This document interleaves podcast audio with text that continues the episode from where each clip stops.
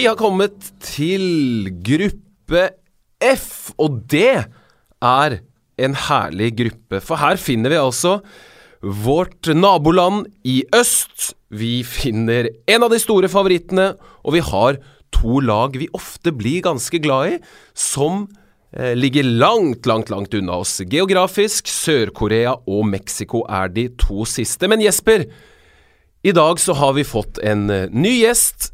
En som er din, er det lov å si, høyre hånd. Dere har mye med hverandre å gjøre, iallfall. Ja, både høyre og venstre. Dette er en eh, kar jeg nesten tilbringer flere dager med gjennom et år enn det jeg gjør med min samboer og de jeg er i familie med. Denne karen kan kommentere alt. Han har altså et kunnskapsnivå som går langt, langt over huet mitt. Han eh, er ikke gamle karen, men eh, når du hører han prate, når du hører hva han eh, kan, så tror du faktisk at denne karen minst er 142 år gammel. Han har jo ljuget på alderen. Vi har vært kanskje bitte litt fordomsfulle noen ganger når det gjelder enkelte nasjoner og å ljuge på alderen, men Marius Skjelbæk, hvor gammel er du egentlig? Uh, Marius Skjelbæk, uh, fotballkommentatorenes uh, Hva skal vi kalle det? Har vi noen referanser som kunne passe, eller skal vi la de passere? Vi la de passere. Obafemi Martins. Obafemi Martins, som, ja. som ifølge Celestine Babayaro spilte på samme juniorlag som dem. Og sjekk karriereveien deres. Etter, det, er, det, er, et ganske stort alderssprik der. Men, men Marius, gleder du deg til VM? Eh, 27 år gamle Marius, 28 dersom alt går som det skal, gleder seg selvfølgelig til VM, men tar ingen garantier, verken i livet eller da i eh, VM. Og Du skal jo da jobbe med VM i eh, sommer. Vi skal kommentere sammen, Marius. Og så skal du også jobbe med Tour de France ligger i etterkant av ja. det vi skal gjøre i VM, så det blir en hektisk sommer. Det, det blir en heftig sommer der, men uh, sånn er det med oss sammenlagte ryttere. Vi har ikke tid til å legge oss bak i feltet og cruise. Vi, vi, må kjempe. Vi må, i hvert fall på de litt uh, harde etappene, så nok uh, Skal nok være så ærlig å si at vi har fått noen ja, vi, vi, skal jo ikke bare ha de, Vi skal ikke bare kommentere Champs-Élysées i fotball-VM i år, men det er jo det som er så kult med fotball-VM, syns jeg, da, at du, du må på en måte lære deg å forelske deg Det blir nesten litt sånn tvangsekteskap. Uh, for du, du, du, våkner jo ikke om morgenen og tenker på Costa Rica eller Peru, men i et fotball-VM så blir du på en måte nødt til å la deg like og begeistre. Og jeg syns det er veldig spennende å forberede meg og lese om landet, lese om fotballhistorien, lese om spillerne, oppdatere seg på hvordan de har gjort i kvalik og oppkjøring osv. Så, videre. så fotball-VM er uh, Stor stas. Hvor mange VM er det du har dekka? Hvor mange Nei, jeg vet ikke hvor mange Jeg begynte jeg jeg var vel, jeg og Drillo, vi, vi sykla vel over grensa der ja, i 58. Og det starta da du og, du og, bestemor var småjenter og ja, Mjøsa brann? Ja, Garincha i Göteborg der, og ja da. Det var, det var, stort. Vi må bare få si at det er veldig hyggelig med alle positive tilbakemeldinger. Det er også hyggelig med de som er konstruktive og litt negative, men det har stort sett vært eh, folk som har vært fornøyde, og som merker at VM-feberen begynner å komme. Og det må jeg si sjøl også. Da vi begynte å spille inn dette, så ja, VM var liksom litt langt fram i tid. Du hadde hatt masse annet å tenke på. Det ble sikkert ikke så fett med VM, men det gjør jo det! Nå kommer feberen her også. Nå er han i ferd med å passere 39 grader. Og det vi skal si, er at uh, gå gjerne inn i iTunes, skriv en anmeldelse. Hvis du har lyst til å gi oss ros, så gjør du det. Hvis du har lyst til å gi oss ris, så kan du egentlig bare logge ut igjen. Gi oss fem stjerner, så kommer vi til å ligge høyt, høyt på listene. Ikke så høyt som Mads Hansen gjør i disse dager, men vi skal iallfall gjøre så godt vi kan. Så det var bare vår lille oppfordring. Det er ikke sånn at vi tvinger deg til å gjøre det, men det hadde vært hyggelig om det. Vi skal slå Tusvik og Tønne de, de nærmeste ukene, iallfall. Det, det må, må være et, et greit gå. mål. Jesper, vi, vi skal går, ha uh, Sverige som uh, det første laget i denne gruppa. og De har da ti millioner innbyggere. Dette er jo tall som vi bare tar rett ut fra Wikipedia. og litt sånn cirka, Så det kan være vi bommer med en million her og en million der, men det får så være. De har uh, da blitt renka som nummer 23 på Fifa-rankinga før denne turneringa. Vært i VM elleve ganger, sist i 2006. Deres flotteste prestasjoner var da de tok sølv på hjemmebane i 58. Et mesterskap bl.a. Marius Skjelbæk dekka for Hamar Arbeiderblad. Og så tok de bronse i 1950 og i 1994. Flest kamper for det svenske landslaget det har Anders Svensson, og Zlatan har flest mål med sine 62. I kvaliken så tok de andreplassen i si gruppe. Fire poeng etter Frankrike, men foran Nederland på bedre målforskjell. I playoff så møtte de Italia, og de vant 1 1-0 hjemme i det som var en meget god kamp fra de svenske gutta.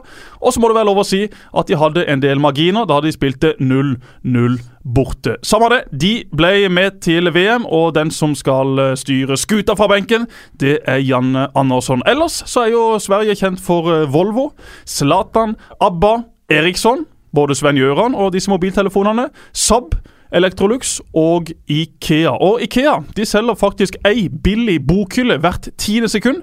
Det er det mest populære produktet. Vi har vel alle prøvd å skru opp disse hyllene. Jeg har enormt kort lunte idet jeg tar fatt på slike oppgaver. Det er én skrue som forsvinner ut av hendene mine. Er det en eller annen drill som ikke passer inn, så klikker det totalt. Og da gidder ikke jeg gjøre mer av det. De har også vært nøytrale i alle kriger siden 1814. Marius, Ja. Sverige. Sverige, tankene? Jeg har alltid vært svak for Sverige, jeg, vet du. det. Eh, Kommer jo fra en del av landet hvor eh, vi eh, Kort vei. Ja, holdt på å si ikke ukentlig, men relativt ofte reiser over og importerer sidflask og, og folkeøl og, og, og, det som, og det som måtte være.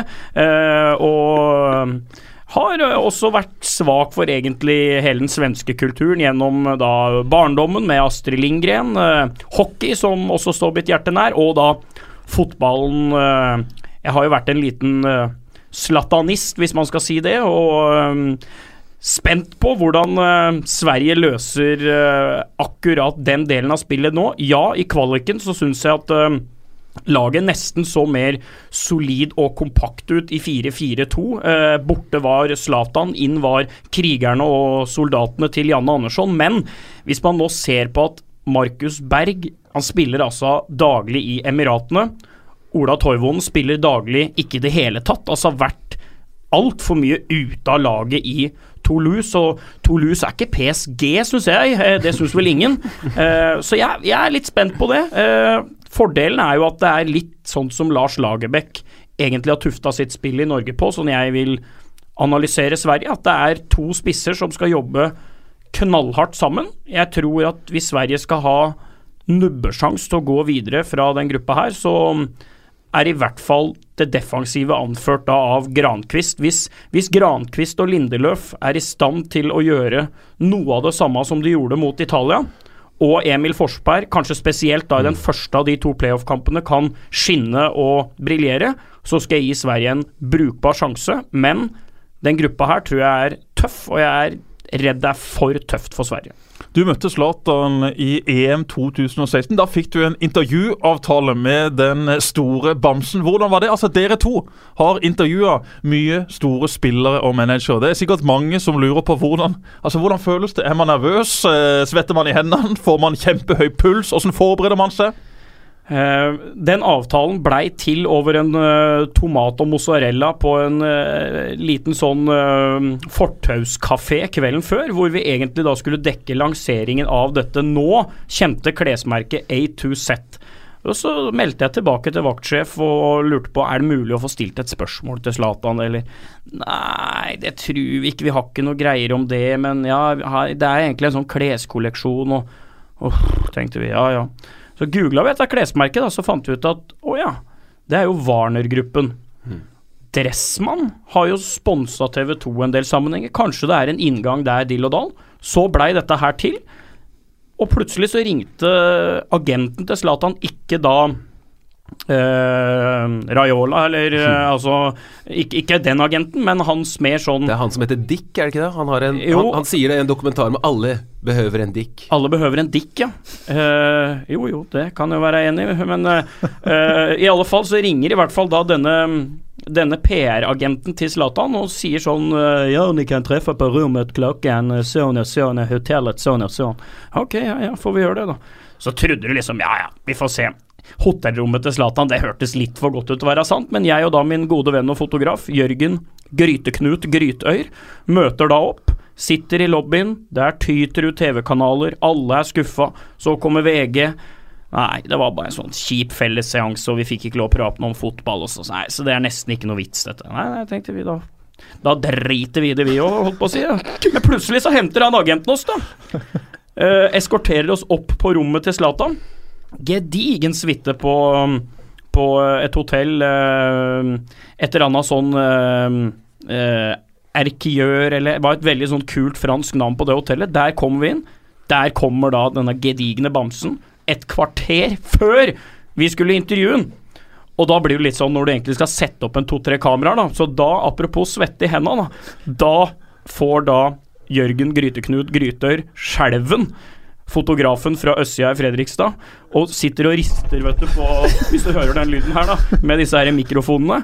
Og bort til Zlatan, da, og liksom sånn uh, Sorry, Zlatan, can you please just put it under your, uh, under your shirt? Lugn deg ned, jeg, jeg, jag er svensk, jeg forstår. Så, jeg forstår. så, så den, det, var en, det var en litt trang fødsel på det intervjuet, men det var en fantastisk opplevelse. Han satt der i 20 minutter, prata om livet sitt, barna sine mente det at hvis han hadde røpt hvor han skulle spille nå, så sa han vel det at om jeg, om jeg svarer deg på den spørsmålen, da blir du president i hele Norge. så ei uke eller to uker seinere så var han jo klar for Manchester United, men han var jo EMs største stjerne i Paris, hjembyen sin, fire dager før mesterskapet starta.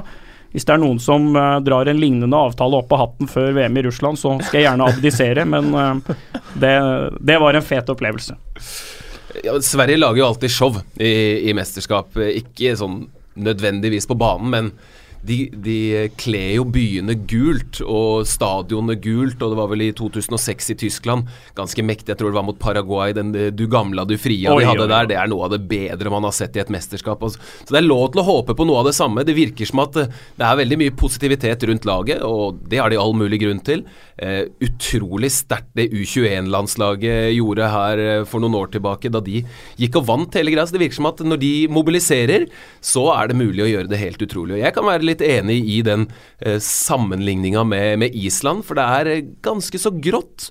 Men så har de noen som kan gjøre det, og Emil Forsberg, som du nevner, det er jo det, er jo det virkelig S i dette laget. Eh, egentlig en, en, overraskende historie at han klarte å gjøre det så bra. Merkelig at han gikk til Leipzig, syns mange, på andre nivå i, i, Tyskland. Så har han virkelig bare slått gjennom taket, og det virker som at det treet er i ferd med, til, med å vokse inn i himmelen. Og eh, var på vei til store klubber. Leipzig holdt på han. Så får vi se hva som skjer hvis han gjør et så bra mesterskap som han kan. For da er det plutselig sånn at han spiller for en av de virkelig store klubbene i Europa. Og Simen, vi har valgt ut en uh, mann, en spiller også fra det svenske laget. Hvem har vi sett oss ut? Da et Sverige uten Zlatan feira bragden i Milano, så var det spesielt én mann som fikk unison hyllest. Kampens store spiller, den 32 år gamle midtstoppersliteren Andreas Grankvist, er så langt fra en superstjerne man kan komme. Han stanget og sto imot alt som kom av italienske innlegg og angrep, og etter ti strake priser til Zlatan Ibrahimovic som Sveriges beste fotballspiller, var det klart for en ny mann i 2017. Gullbollen 2017 går til Andreas Granqvist. Og dette var jo faktisk eh, Mange syns det var eh, helt riktig. Men de aller fleste som, som uh, skulle mene noe fotballfaglig, protesterte jo på dette. For de mener jo at Emil Forsberg i 2017 var den klart beste svenske spilleren. Og det var han jo. Men det var et eller annet med, med, med Granqvist som et symbol på det nye Sverige. Eh, en helt uten nykker, helt uten eh, hårvoks. Ingenting liksom som, eh, som bar preg av, av eh, at han tenkte på seg selv. Han er en som setter laget foran.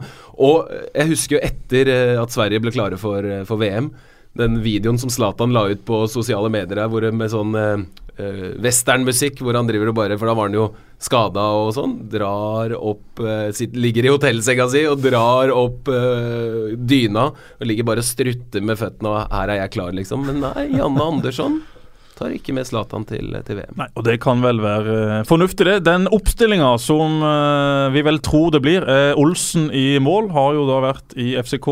Formen kanskje ikke på topp, skaller seg i februar. Var tilbake i midten av mai, og som keeper så bør vel det gå greit. Lustig på høyre back. Lagkamerat av Kristoffer Vassbakk Ayer i Celtic, og Lustig hadde altså noe jeg vil kalle årets jubling der borte i Skottland. Han Jubla vel etter at de hadde skåra og slått eh, Rangers, hvor han da løper og skal ha jule med alle sine lagkamerater. Og på vei bort dit så tar han eh, hatten til en politikonstabel eller en sånn en vakt og bare løper rundt med den og har det gøy. Og så da og setter han på plass igjen etter at jubelscenene er ferdig. Strålende levert av den tidligere Rosenborg-bekken Grankvist og Lindeløf i uh, midtforsvaret. Kjapt, Simen. Lindeløf sin sesong i uh, Manchester United, hvordan var den? Starta fryktelig dårlig. Altså Det så ut som en kjempeflopp. Eh, grusomme kamper, bl.a. mot Huddersfield borte, hvor det, det var rett og slett så ut som han aldri hadde spilt fotball før. Og så har det vært stigning i programmet, og jeg syns han var veldig bra bl.a. mot Chelsea hjemme. Fortsatt ikke helt sikker på om det der er Manchester United-materiale. De har jo ikke fått orden på midtforsvaret sitt der på, på mange, mange år nå, men eh, absolutt bra nok til å kunne gjøre et godt mesterskap for Sverige. Men hva er liksom Hvis du ser Lindeløf, så tenker du Hva er han egentlig god på? Altså Hvis du er um, midtstopper, da. Enten så er du en uh, hardhaus fysisk, eller så er du en kvikk, uh, intelligent uh, stopper. Altså, jeg føler liksom Lindeløf han detter litt mellom to stoler. Litt av alt. Litt av alt, liksom. Men ikke nok av noe, Nei, kanskje. nei. Mm. Men nok til å spille stopper for Sverige. Augustinsson på venstre bekk, selv om de da har Olsson i eh, bakhånd. Forsberg, Larsson, Ekdal og Claesson på midten, og så da på topp Berg og Toivon. Vi vet hva vi kommer til å få se fra Sverige. Det er 4-4-2. Det er et landslag som minner mye om Island, som minner en del om Norge. Men de har da den eh, Forsberg som vi i Norge ikke har enda. Men om ikke altfor lang tid, så kan det godt være at vi også har spillere på denne hylla. Og den eh, sesongen Moi har hatt i år, er ikke der som Forsberg er, men du ser i alle fall at det skjer veldig positive ting rundt de norske gutta. La oss håpe det fortsetter. Da skal vi eh, videre vi, til eh, neste lag i gruppa, Simen. Og da foreslår jeg at vi tar en tur til Mexico La oss som gjøre da har 122 millioner eh, innbyggere. De har vært med i eh, VM 15 ganger, og dette er deres syvende sluttspill på rad. Siden 1994 så har de altså gått videre fra gruppa hver eneste gang, men det ender som regel med exit rett etter det. De har kommet til kvartfinalen i 1970, et uh, mesterskap også Marius Skjelbæk faktisk dekka, og i 1986, da Marius fikk en intervjuavtale med Diego Armando Maradona.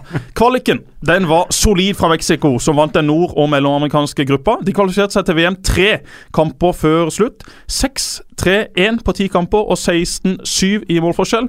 Tapet kom mot Honduras i siste kamp i gruppa, da Honduras måtte vinne og Mexico ikke hadde noen ting å spille for. Osorio det er deres manager, og Mexico er også da kjent for eh, Tequila, taco og tabasco. Jeg vet ikke om tabasco er fra Mexico, men jeg syns det var behov for en te til, så da bare slang jeg inn tabasco og satser på at det går greit. Mexico City de har over 100 000 taxier som kjører hver eneste dag. Det er den største taxiflåta i hele verden. Chihuahua det er oppkalt eh, etter den største meksikanske staten, og du finner jo både langhåra og korthåra chihuahua. Aldeles nydelige bikkjer. Og så har de da dette her eh, piñata.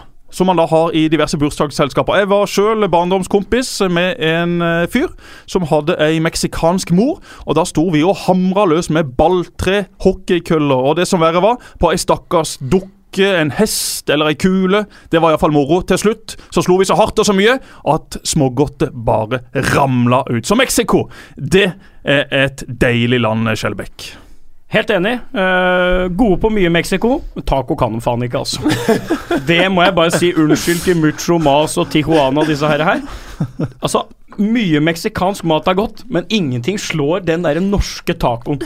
Så hvis noen bare med disse svære flymaskinene kan få sendt det her Santa Maria eller Old El Paso-krydderet ned, så skulle vi lært dem taco òg. Litt enig eh, hvis vi tar en kjapp tur til India, for India er jo ikke med i årets verdensmesterskap i fotball. De er nok med når dette skal arrangeres i cricket. Det får vi ta en annen gang. Men de også sliter litt med tikka masalaen. Hvis vi sammenligner med Toro sin sorte tikka masala-pakke. Helt enig. Den er fantastisk god. Jeg ble tipsa om denne av Øyvind Brenne, sportssjef i VG i sin tid.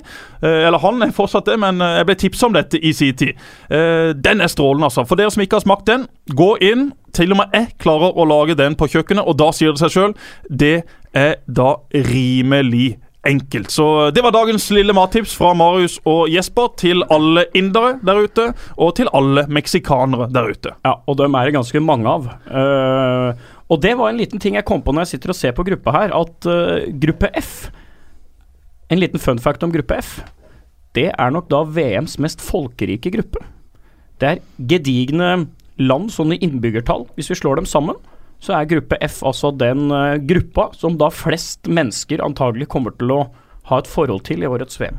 Akkurat. Har vel da en eh, ja, hva skal vi ja, si en litt under 300, si en 270-80 millioner innbyggere da, totalt i gruppa. Det vil jeg tro er ganske høyt sånn i VM-sammenheng. Simen, Ja, hva det er- ja. skal vi si om Mexico? Ja, som ikke handler om det, er- det er jo veldig, veldig mye. Det, sånn uh, fotballmessig så, så vil jeg jo si at dette her er, øh, er et bra lag. Altså et, øh, et lag man kanskje ikke jeg i hvert fall har tenkt mye på før VM, men jo mer jeg kikker på det, jo mer tenker jeg at jo, ja, dette her kan jo bli, kan jo bli riktig så bra. Og, og jeg har en følelse av at de eh, blir med Tyskland videre. Eh, de har eh, en del bra midtbanespillere. Eh, Jonathan Dos Santos, som har gått eh, Barcelona-skolen. Eh, Hector Herrera, som jeg syns er veldig god, som spiller for Porto. Har blitt kaptein i, i Porto. God på det meste. Eh, Andres Guardado, som er sånn typisk spiller som våkner til når han eh, spiller på landslaget. Eh, er del av et fantastisk Real Betis-lag. Eh, Giovanni Dos Santos, broren til eh, Jonathan. Ok, det ble ikke den karrieren mange hadde sett for seg, men eh, en god spiller, det også. Eh, Javier Hernandez, Chicharito, vet vi dukker opp. Han har eh, X-faktor som er å score mål, og hva er vel bedre enn det i et mesterskap spesielt, hvor mål betyr mer enn eh, enn ellers, faktisk, for det er jo så få kamper. Syke stats på landslaget òg, da. Har skåra 49 landslagsmål på snaue 100 kamper. Altså hvis du har skåra 50% av kampene dine for Mexico, riktignok spiller de jo mot eh, Honduras og Haiti og land som ikke akkurat sikkert er kjent for soneforsvar og parkere busser, men dog allikevel. Det er, eh, det er enorme stats på et landslag, altså. Og vi har jo da eh, tatt eh, kontakt med en kar som kommer fra de samme traktene som meg. Vi har tatt kontakt med selveste Mats Ska på Twitter. Han kjenner alle til. Han eh, mener mye om eh, mangt. Som regel er det mye negativitet rundt norsk fotball, men han har jo ganske god kontroll på det som rører seg i Mellom- og Sør-Amerika. Han sendte meg altså en lang melding hva angikk Mexico. Det var så mye at eh, ikke vi har tid til å lese opp alt dette nå, men jeg tror heller vi skal få lagt det ut på eh, ei Facebook-gruppe som vi er i ferd med å opprette, Simen. For der kan altså folk og fe følge med under mesterskapet og diskutere ting, eh, komme med innspill. Eh, Vi legger ut forskjellige videoer, analyser, tekster osv. Så, videre. så der inne på Facebook-sida, som da kommer til å hete et eller annet TV2 VM. Følg med, dere finner ja. ut av det. Og da kan dere gjøre som Mats Ska ofte gjør. Kommenter, utfordre, by opp til diskusjoner. Men da får dere ikke gjemme dere hvis dere får litt uh, motbør heller. Det gjør ikke Mats Ska, og det gjør heller ikke vi. Ideen bak den gruppa er i hvert fall at vi skal vi skal bli med på diskusjonene, og vi skal interagere med dere. Uh, en god gammeldags Facebook-gruppe er det egentlig, for det har blitt veldig mye sånn sider og bla, bla, bla. Men dette her er den gode, gamle Facebook-gruppa som vi skal prøve å ta tilbake, et slags forum. Ok, tilbake til Mexico. Ja, Jeg tar vår mann, jeg. ta vår mann. Til tross for at han eh, helt ut av det blå havna på en svarteliste over mennesker med tilknytning til noen av Mexicos farligste narkotikakarteller, så er Russland-VMs nest eldste spiller, 39 år gamle Rafael Marquez, vår mann. Da han debuterte for landslaget, herja Spice Girls wannabe-hitlistene verden over. Litt senere var han en viktig brikke da Barcelona tok seg tilbake til toppen midt i forrige tiår. Han ser ut som en prins, og han er så populær blant folket og medspillere at spissen Carlos Vela tilbød sin plass i troppen dersom Rafa Marquez ikke kom med. Er Vela, med er Marquez, og i sommer kan sistnevnte kopiere en bragd utført av Miroslav Klause og Pelé, nemlig å skåre i fire forskjellige VM. Og han er jo ikke egentlig en målskårer. Absolutt ikke, men han har god fot. Han har en aldeles deilig pasningsfot. Og han slår disse pasningene med haltliggende rist. Ballen ligger bare klink stille i lufta, og ballen går akkurat så høyt at han fyker over luggen til diverse med- og motspillere på veien fram til der han skal. Det er et par spillere i verden som har pasningsføtter hvor ballen bare ser ut som han er varmesøkende. Du kan altså bare plotte hvor ballen skal, og så sender Marquez, Cross og disse gutta bare ballen bort dit. Så Marquez håper vi jo at vi kommer til å se. Han er jo kaptein. Det spørs hvor mye han kommer til å få spille. Guardado fra Betis blir da kaptein hvis Marquez sitter på benken som en aldrende maskot. Det blir nok sannsynligvis slik, for dette meksikanske laget, som du var innom, Simen, er et talentfullt lag, men mange av disse også nå i sin beste alder, og har altså gått videre fra alle disse sluttspillene siden 1994. Det er veldig imponerende. altså De går videre fra gruppa hver eneste gang, og så har det som regel endt med exit. Men de var uheldige i sist VM, i 2014, med en horribel dommeravgjørelse som egentlig sendte de ut. Var ikke det Marquez som felte, eller ikke felte Robben? Det da var vel var en aldrende mann litt på etterskudd, men eh, det var vel eh, det var vel filming, har vel ettertiden vist, og, og vel så det. Yes, og så uh, var det slik at uh, åtte stykker i denne troppen var med å vinne OL i London. Så dette er gutter som har vært lovende i veldig lang tid. Kanskje et lite minus at et par av disse gutta som har vært i Europa, som man trodde skulle få store karrierer, har reist tilbake igjen til uh, MLS, noen av de. Det er klart at det er ikke på det samme nivå som de en gang var. Men noe forteller meg at uh, disse gutta her kommer til å tenne til, vise seg fram. Og de kommer jo i ei gruppe hvor de da skal kjempe med, med Sverige om å ta denne andreplassen. Eller Sør-Korea. Ja, kanskje Sør-Korea. Og går de da videre som nummer to, da venter Brasil i eh, den eh, første kampen i utslagsrunden. Så det blir nok exit, enten det blir Mexico eller Sverige. Men eh, det er vel de to lagene det kommer til å stå mellom. De har spilt litt forskjellige formasjoner. Ikke helt sikkert hva de kommer til å stille med nå. De har spilt både med to og tre midtstopper. Kan godt være at de også bytter litt ut fra hvem de kommer til å møte, men det er teknikk, det er kombinasjonsspill. De er faktisk eh, gode i lufta. De har mye hodestyrke i eh, dette laget. Chicharito han eh, er ikke høy, men han har god timing. Han har skåra sine mål på huet og ingen lett mann å møte i boksen, det. Jeg gleder meg til å se Mexico. Jeg har store forventninger til hva de kommer til å levere. Og eh, det er et sjarmerende lag helt siden eh, vi ble kjent med Campos sine keeperdrakter i 1994. Erik Thorsvedt var jo her eh, da vi gikk gjennom gruppe A og C. og Da fortalte jo han om denne her keeperdrakta til Campos. og Bare få hørt gjennom de episodene hvis ikke dere har hørt de enda. De har jo en fargeklatt Kanskje mellom stengene, det er ikke helt sikkert eh, at han kommer til å stå, men Guillermo Ochoa eh, ble vi kjent med for alvor for, eh, for fire år siden. Så ligger det faktisk en, en mørk sky over dette laget her nå, for det er et par uker siden så, så leste jeg en sak om at, om at meksikanske fotballspillere har blitt tatt for testa positivt for doping, men, men ikke blitt straffa for det. Eh, og det er jo eh, selvfølgelig sånn man ikke har så veldig lyst til å snakke om, doping i fotball. Men tingen er at det, det eksisterer, helt åpenbart. Og vi får ikke snakka nok om det nå, men jeg anbefaler å gjøre et enkelt Google-søk. Så tror jeg faktisk det var eh, en, en svensk nettavis som hadde en veldig god sak om, om akkurat det. En ting til som er verdt å nevne. Dagen før eh, VM sparkes i gang. Vi har snakket om det med Marokko, men det gjelder jo for Mexico også. De kan bli vertskap for eh, VM sammen med USA og Canada i 2026. Så det er en stor dag. 13.6 i Fifa-kongressen så bestemmes det om det blir eh, fusjon, Trump, Mexico og Justin Bieber eh, i, i 2026. Og eh, bare for å ta det kjapt da med doping i fotball. Selvfølgelig forekommer det. Det forekommer eh, like mye som i alle andre idretter som har hatt et eh, sterkt søkelys på seg pga. disse tingene. Fotballspillere blir altså testa eh, langt eh, i langt mindre grad enn uh, f.eks. syklister og langrennsløpere blir. Spiller du f.eks. fotball da i Norge, som eh, vi sjøl har gjort, Simen? Det var ingen som eh, spurte hvor vi var på ferie. Vi kunne i teorien reise to måneder til Jamaica, til USA, til Russland, hvor det måtte være. Mexico Ja, f.eks. Mexico. For å eh, trene, for å innta medikamenter som gjorde at muskulaturen, at utholdenheten, at man kom tilbake igjen som et mye mer ferdig produkt. Det er altså veldig, veldig slapt i forhold til en del andre. Andre idretter må jo melde fra ok, nå skal jeg reise dit. Jeg er tilgjengelig mellom 12 og 1 på det og det stedet, på den og den adressen, på den og den restauranten. Da kan jeg komme og teste meg hvis jeg vil. Og så kan de plutselig komme.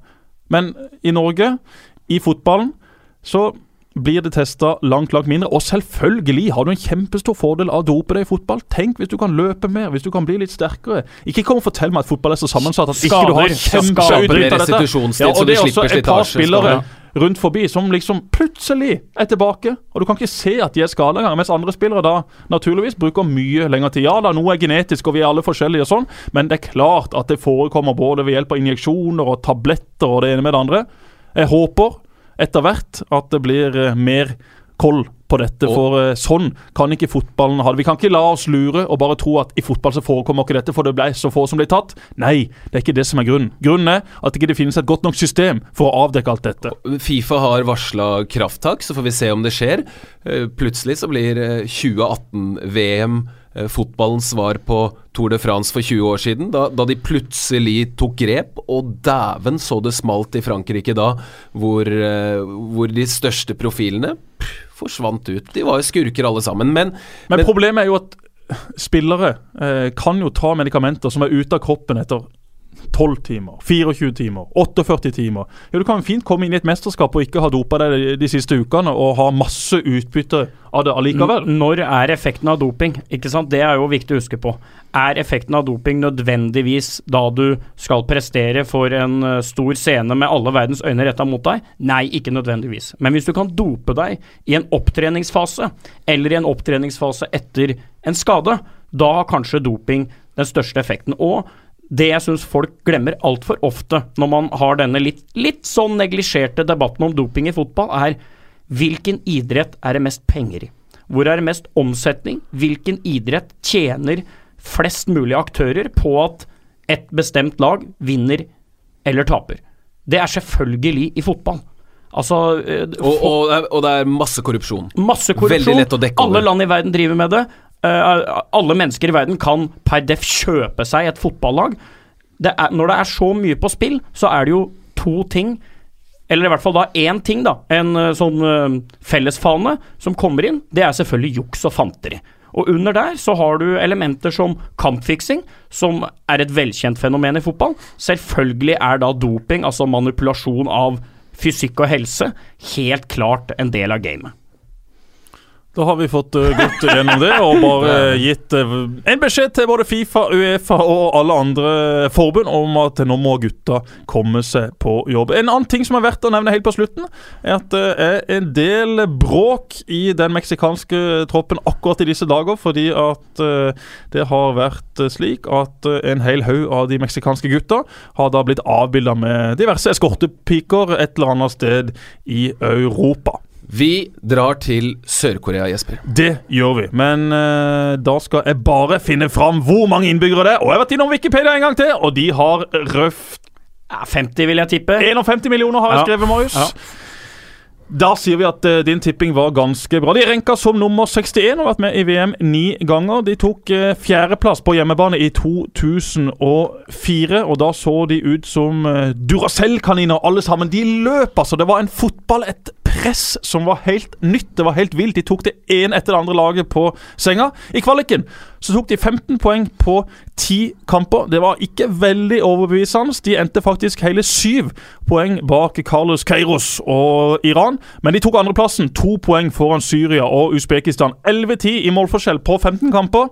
Ikke veldig underholdende. Det sies at de har verdens raskeste internett. I Norge ringer vi jo pluss 47, men i Sør-Korea der ringer man pluss 82.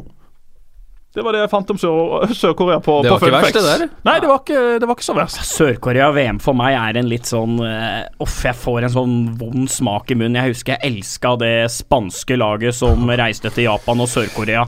Eh, Joaquin liksom eh, på sitt eh, om ikke sitt beste, så i hvert fall på sitt mest sånn presenterende. Ja, han skulle ta han. Han skulle ta over verden, han.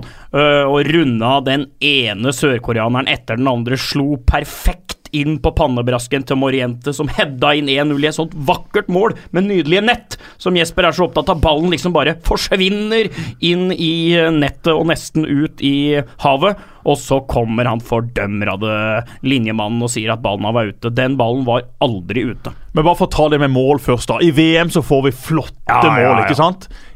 Men Thomas Berntsen i Sarpsborg, eksempel, der har de altså sånne mål som vi hadde på Løkka før i tida. Du skyter i mål, og ballen spretter ut igjen fordi den er truffet av aluminium.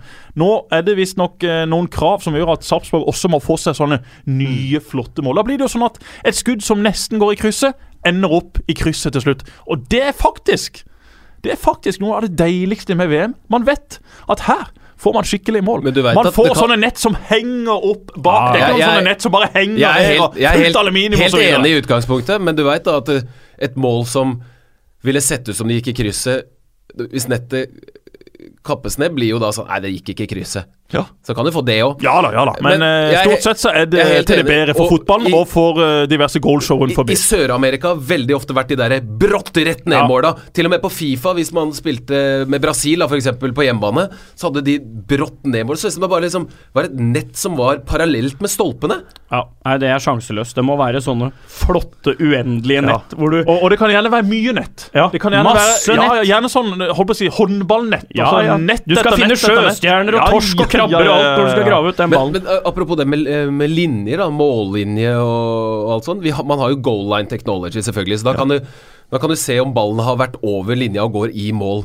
Men man har jo ikke noe uh, ba, altså dødlinje-technology. Så hvis uh, linjemenn om han Assistentdommer. Assistentdommer. Om, om han ville vinke, eller om han gjorde det fordi han trodde ballen var ute. Uansett, nå med, med VAR så er jeg veldig spent på om linjemenn Assistentdommere, Ja. Eh, Dommere. Om de, om de rett og slett er litt restriktive når det gjelder å få opp det flagget, eller blåse i den eh, fløyta, fordi de vet at de kan lene seg på, på bildene etterpå. For et, et mål som det der, det ville jo ikke ha stått fordi eh, Joaquin legger inn, Ja. og flagget kommer opp, og da stopper alle opp. Så, så da vil de jo ikke Det ville jo ikke ha, ha gitt det målet i, med VAR, til og med. Nei, men den akkurat den konkrete episoden, så kommer den, mener jeg å huske, det flagget omtrent da Morientes har hedda ballen. Ja. Mm.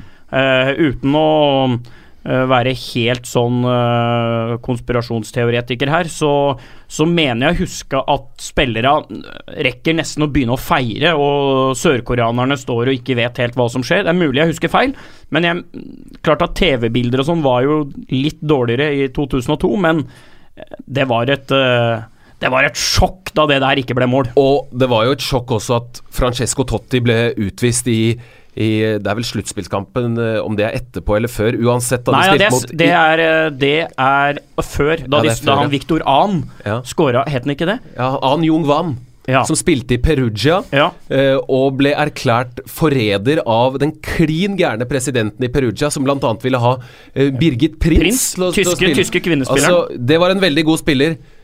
All respekt, men jeg tror ikke hun hadde klart seg i, i Serie A. Men han hang An Jung Wan ut til tørk. Ikke med all respekt, selvfølgelig har du ikke klart seg. Ja, ja, ja, ja, Men Nå må vi ikke være så ja, himla ja, ja. diplomatiske her. Har du Men- ikke vært i nærheten? U uansett Victor An, som jeg sa for øvrig, det er jo han derre kortbaneløperen som bytta fra Sør-Korea til eh, Russland. Utestengt for doping i forrige år. Riktig. Uh, uh, jo, uh, det også var jo en, spør du meg, vel så stor skandale. Men jeg, jeg syns vi, eh, vi skal skryte litt av, eh, av Sør-Korea uansett. At de, de har veldig mange gode tekniske spillere. Vi må nevne deres MVP, for dette er virkelig en, en stor fotballspiller. Han har blitt det. Uh, Hung Min Son hos, eh, hos Tottenham som Eh, jeg hadde store forventninger til han da han kom til Spurs, men han har overgått de forventningene. Altså. Og han har eh, både de få gangene Tottenham har måttet spille uten Harry Kane, klart seg veldig veldig bra som midtspiss. Han er ekstremt direkte, bra bevegelsesmønster. Når han får ballen i føttene, så setter han alltid fart på. En god del av de kampene på Wembley i høst, hvor man begynte å snakke om et spøkelse ah, Er det ikke vanskelig for Tottenham å spille på Wembley? Han var utrolig viktig fordi han fikk eh, motstanderne på bakbeina, de måtte rygge, og plutselig så kunne Tottenham eh, være skumle å spille mot, i stedet for at det var liksom en ulempe at de skulle spille på Wembley. Så Hung Min Son vært formidabel i Spurs. 20 mål på 63 landskamper har han. Han spiller enten til venstre på dette sørkoreanske laget, eller helt på topp. Det har de variert eh, litt på. Det kan godt være at de varierer også på det i dette VM. Jevnt over så er jo ikke dette et lag hvor spillerne spiller i veldig gode klubber. Men de har, eh, som du var innom, Simen, én superstjerne fra Premier League. De har eh, også eh, Apropos uttale navn. eh, Koya Chul fra Augsburg, som har spilt i Bundesliga siden 2010. eh, Spiller i en offensiv rolle. Ingen målgivende pasning i Bundesligaen denne sesongen, men for dette laget så blir han viktig. Og så har de da også en kar fra Swansea, Simen, som får Ja. en sentral rolle. Ja, absolutt. Eh, Det er en veldig, veldig god teknisk fotballspiller. Key. Kaptein. Ja, og så han, han har jo fått lide av at Swansea har vært såpass dårlig rundt han da, fordi de, de sesongene hvor han har spilt på et godt lag, så har han absolutt ikke trukket laget sitt ned. Jeg syns det er en, en, eh, en veldig, veldig bra fotballspiller. Eh, trenger folk rundt seg som, som løper mye, og det jeg har sett eh, av klipp av, av Sør-Korea, er at de spiller med høy intensitet. Han er ikke noe sånn eh, kriger, men han er mer en, en elegant. Eh, bra, viktig spiller for dette sørkoreanske laget. Men det blir en eh, ikke umulig oppgave for dem, for eh, de har selvfølgelig muligheter mot både Mexico og Sverige, men det å gå videre fra gruppa, det er det vel ingen som egentlig tror at dette sørkoreanske laget kommer til å klare. Men Simen, har vi en eh, favoritt også på dette laget? Ja, det har vi. For hvor mange ganger hører vi ikke om spillere som er det og det stedets svar på Lionel Messi? Ja, her kommer én til. Lee Song-woo var som Messi ikke fylt 13 år engang da han ble oppdaget av FC Barcelona.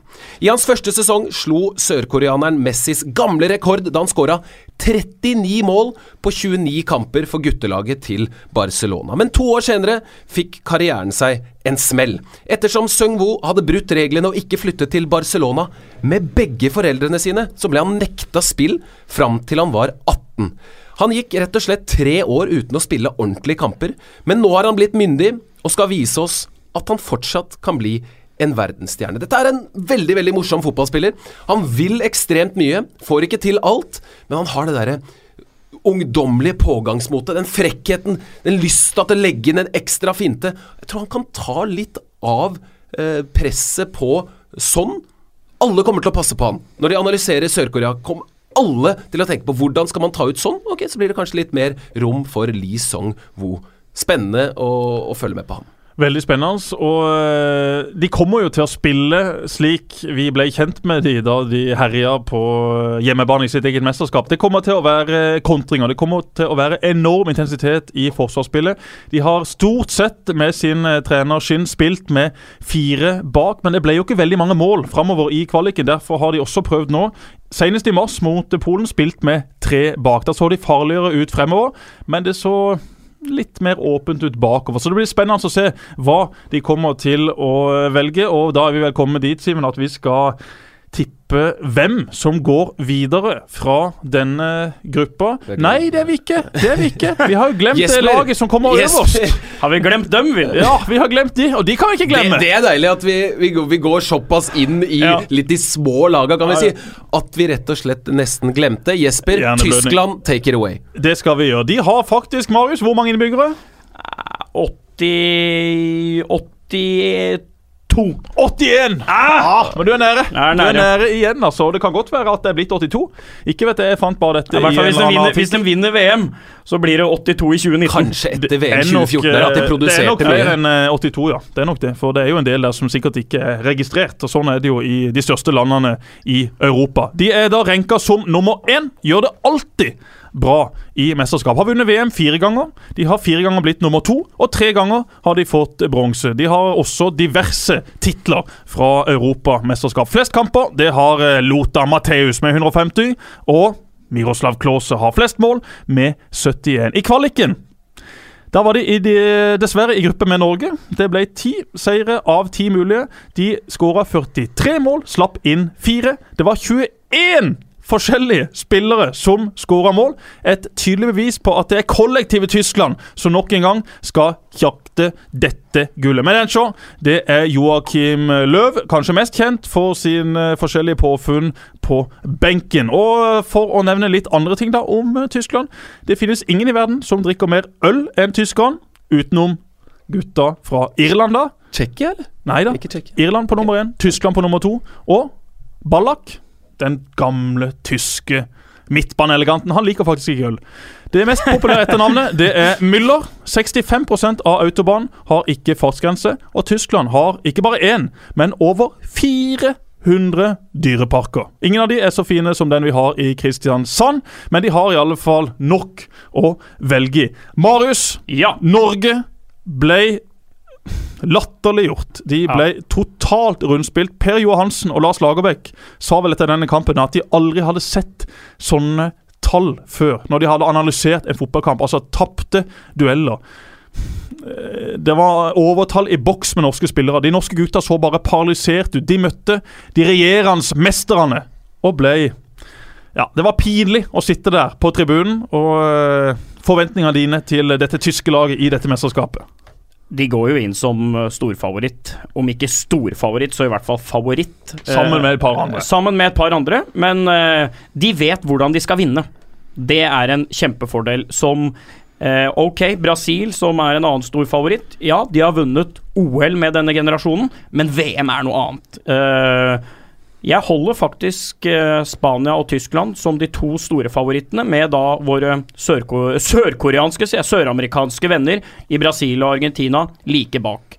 Um, Bare for, bare for å ta kjapt, liksom, Når vi også omtaler lag som store favoritter sant? Vi kan si, Jeg sa her i Brasils gruppe at ja, jeg tror Brasil vinner. For meg har de det beste laget. Så har jo vi da en eh, kar som vi har med oss i Fotballekstra, Marius, som heter da Runar Endestad, jobber i Gig Sports. Og disse gutta analyserer jo lagene på en helt annen måte enn det vi gjør. De går inn eh, rundt dette med et mye mer analytisk blikk, legger inn masse faktorer, og får da ut eh, tall i andre enden som jeg har fått tilsendt et par av her nå. F.eks. da Brasil, som de holder som den største favoritten. De har 19,2% sjanse til å vinne VM. Det vil altså si at det er over 80% sjanse for at de ikke gjør det. Ikke sant? Og det er liksom den store favoritten for veldig mange. Tyskland har de som nummer to, 18,5. Spania nummer tre, 17,4. Frankrike 11,2. Deilig at det er så Argentina 8. Belgia 7,4. Portugal 5,5. England 3,4. 3,4, det var Ja. Og eh, faktisk Russland, siden de er på hjemmebane, har 2,1% Så det er ikke så veldig mye mer sannsynlig at England vinner dette mesterskapet, enn at Russland faktisk gjør det. Den som mest sannsynlig blir toppscorer, det er Neymar med 12,1% Lionel Messi han har 9,2. Thomas Müller 7,8. Harry Kane 7,7. Ronaldo 7,2. Griezmann 5,2. Lukaku 4,7. Aguero 4,1. Suárez 3,4. Og Eden Hazard 2,9. Det er altså mye interessante tall, og eh, det blir etter hvert lagt ut i diverse artikler på TV2 Sportens sider på World Wide Web, så det er bare inn der og kikke. Thomas Müller trenger seks mål i dette mesterskapet for å komme opp på samme antall som den med flest i VM-historien, Miroslav Klause.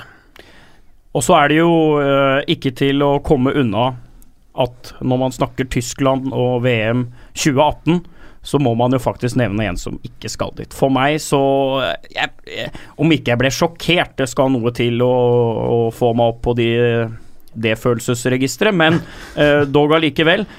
Når du gjør 33 målpoeng i Premier League for Manchester City, og Pep mener at du er en av verdens beste fotballspillere, da er det en eh, aldri så liten sensasjon at vår venn eh, Leroy Sané ikke skal til VM. Jeg, jeg kan jo ikke si at Joakim Løv ikke veit hva han driver med. Klart han gjør det. Men jeg sitter også med følelsen av at alle de spillere han har tatt ut i den tyske troppen her, kommer jo ikke til å spille. Alle kommer ikke til å bli brukt. Sané ville ha blitt brukt på et eller annet tidspunkt. Jeg sier ikke at Brandt skal ut og Sané inn, men jeg syns det er litt Det syns jeg du skal si. Det ok, da du- sier jeg det. Ja, okay. men altså, han uh... Men jeg fikk en melding fra Christian Kjølberg på Twitter, som uh, hadde et lite innspill til da vi skulle diskutere Tyskland. Og Han mente sjøl at ikke det var så overraskende at Sané ble vraka, for han tror det ble avgjort da Sané takka nei til å delta i Conferations Cup i fjor. Dette blir bare spekulasjoner, men det kan jo, og Det må, sannsynligvis det må være ligger det noe annet bak ja, men- her. Ja, men det er noe annet som, som ligger bak. Nå, nå skal jeg ikke bli for sånn uh, konspiratorisk og, og, og Og tolke Sané har ikke tatt sjansen på landslaget Nei, de gangene han, har fått det. Han, han har ikke vært god med flagget på brystet sammenligna med alternativer. Men han er eh, man får jo ganske lite innpass i, i, i det, det virkelige liv og tankesettet til fotballspillere. Men sosiale medier det er litt sånn kjepphest for meg. Man kan tolke en del der.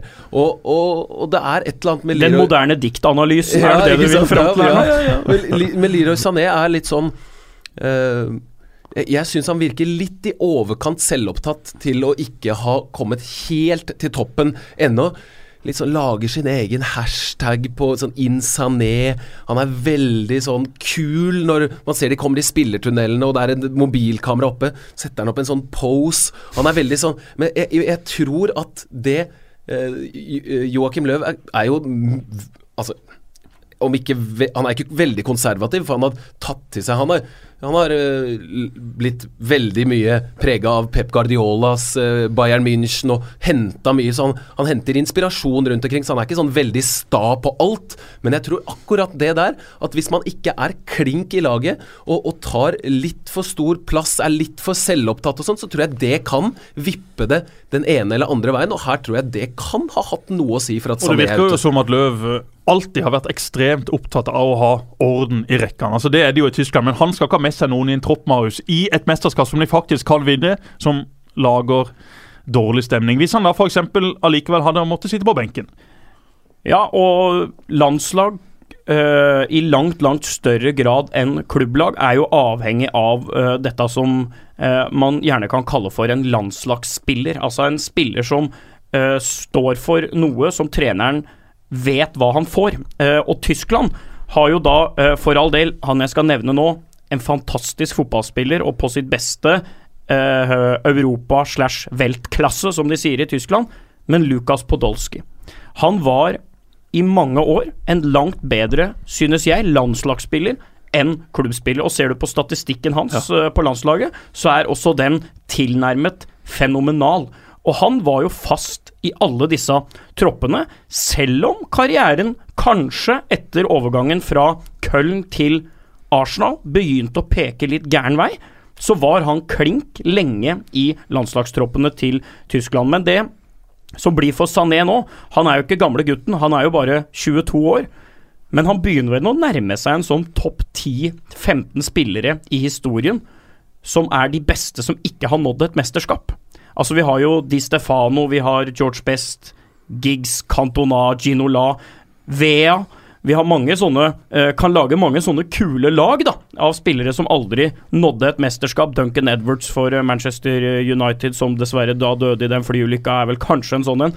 Men Sané begynner vel å nærme seg store, store big shots som aldri nådde et VM. Jeg, jeg tenkte jo det, det da jeg så han i, i høst. Sa også det i uh, Premier League-podkasten vår, at det Enten så er dette en ekstrem sånn formtopping, eller så ser vi starten på en Ballon d'Or-karriere. Eh, av de, den blandingen av fysikk, teknikk og sånn, i tillegg var effektiv, da, bidro med, med, med skåringer og assist, så tenkte jeg at dette her er en som eh, altså, kommer jo ikke til å komme opp på nivå med de to beste i dag, for det er det Altså, jeg kan ikke se noen andre. Neymar, fantastisk, men jeg klarer ikke helt å se at, at han får den karrieren og de statsa som Messi og Ronaldo får.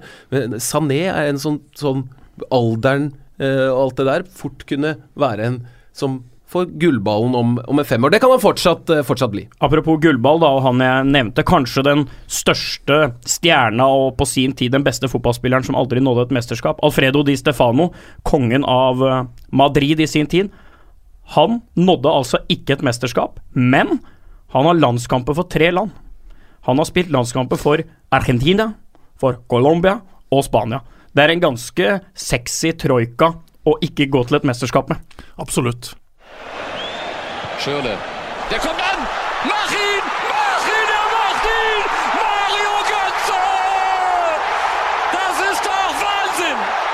Und da ist gekommen dieser eine Moment Mario Götze. Ikke med til VM. Det er mer eh, logisk. ja. Absolutt. Jeg tok med en eh, prat med Eivind eh, Sunde i går, Simen, og han har god peiling på Tyskland. Men før det Og broren så- veldig god peiling på podkast. Ja, veldig god heia fotball. Der var Marius Skjelbæk nettopp eh, gjest. Inn og hør den episoden. Den var meget, meget bra, bra. av flere grunner. Har vi en favoritt på dette laget, Simen? Man skal ha et hjerte på frysepunktet hvis man ikke har syntes litt synd på Marco Royce. Vidunderbarnet som de fleste europeiske toppklubbene for noen få år siden lå langflate etter, er en ulykkesfugl av de sjeldne. Han var svært viktig i Tysklands kvalifisering til forrige VM, var i VM-troppen, men måtte kaste inn håndkleet sent pga. skade, og ble aldri med på triumfferden i Brasil. Siden da har han hatt 21 skader, deriblant en kneskade som holdt han ute av den tyske cupfinalen i fjor, og som holdt ham borte fra EM i Frankrike året før. Men nå er han frisk, han er med, og vi håper han holder seg skadefri, og at dette endelig blir Marcos sommer.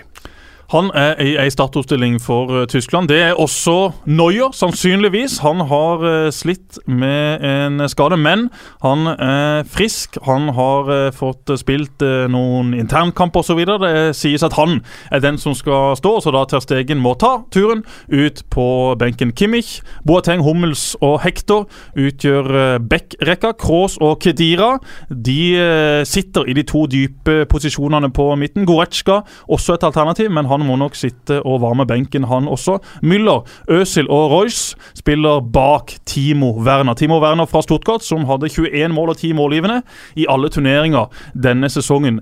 Det som er med Tyskland De har egentlig et bedre lag nå enn de hadde i 2014. Da røyk de for eh, Nei, da, da vant de, men de røyk for Frankrike i semien i EM i 2016. I den kampen så var de fantastisk gode, men Frankrike tok vel kanskje en litt heldig seier. De hadde i alle fall veldig mye marginer med seg. De har en bedre venstrebekk nå. De har kanskje også en bedre høyrebekk, fordi at Lan han starta som midtbanespiller i Brasil. Klause var jo den som spilte spiss i de avgjørende kampene i 2014. I gruppespillet så spilte både Mario eh, Nei, ikke Mario Gomez, han var skada, men Lukas Podolski og Thomas Müller. Nå har de Timo Werner. Han funker bra for Tyskland. Han har to gode sesonger bak seg. Han leverte varene mot Norge i Stuttgart. Det gjorde tross alt de fleste tyske gutter, men der også viste han fram at han har en eh, nese for å dunke inn mål. De har veldig mye rutine. Spørsmålet er jo hvor sultne er de? Jeg tror de er grisesultne etter exiten for Frankrike i EM, og denne kvaliken var vel egentlig et ganske tydelig bevis på det. Og det som er med Tyskland, Joachim Löw kan spille den fotballen han vil spille med disse gutta. Sampaoli hos Argentina, han vil spille veldig offensivt, veldig åpent, men han kan ikke gjøre det, for da vet han at Motstanderne kommer til å straffe oss. Dette her maskineriet her, det er velsmurt. Det kommer til å gå veldig, veldig langt og kommer til å feie gjennom denne gruppa. Så det gidder vi ikke diskutere engang, Simen. Tyskland de er nummer én i denne gruppa. Hvem skal vi ha som nummer to, Marius? Jeg går for Mexico. Dessverre, mine venner der øst. Jeg tror Mexico blir nummer to. Vi har sendt ut eh, Danmark i en tidligere gruppe her. Nå sender vi ut ut Is- eh, svenskene og Dere sendte ut med Island. Ja? Ja, vi gjorde det. Jeg var Ja. uenig, men eh, Ja. jeg måtte bare legge meg for demokratiet. Thorsvedt og Møller de ville ha Danmark ut. Da hjalp det ikke at jeg prøvde å snakke Danmark inn via diverse fornøyelsesparker og røde pølser. Det gikk rett og slett ikke slik jeg ville. Så Danmark de er ute, Island er ute, Sverige er ute. Mexico, Men det er mye moro igjen. Mexico, Mexico Brasil ser det ut til å, i, i åttendedelsfinalen, hvis det går som vi, vi tror. Tyskland ser ut til å ha en deilig vei til semifinalen. Da får de eh, Serbia eller eh, jevnbyrdig motstand til Serbia i åttendels, og så kommer de til å møte et av lagene fra eh, gruppe HG, som vi skal ta for oss eh, i de neste episodene, så det er bare å bli med videre. Takk for at du eh, fulgte med, og Skjelbekken, han blir med oss videre! Ikke tenk på det!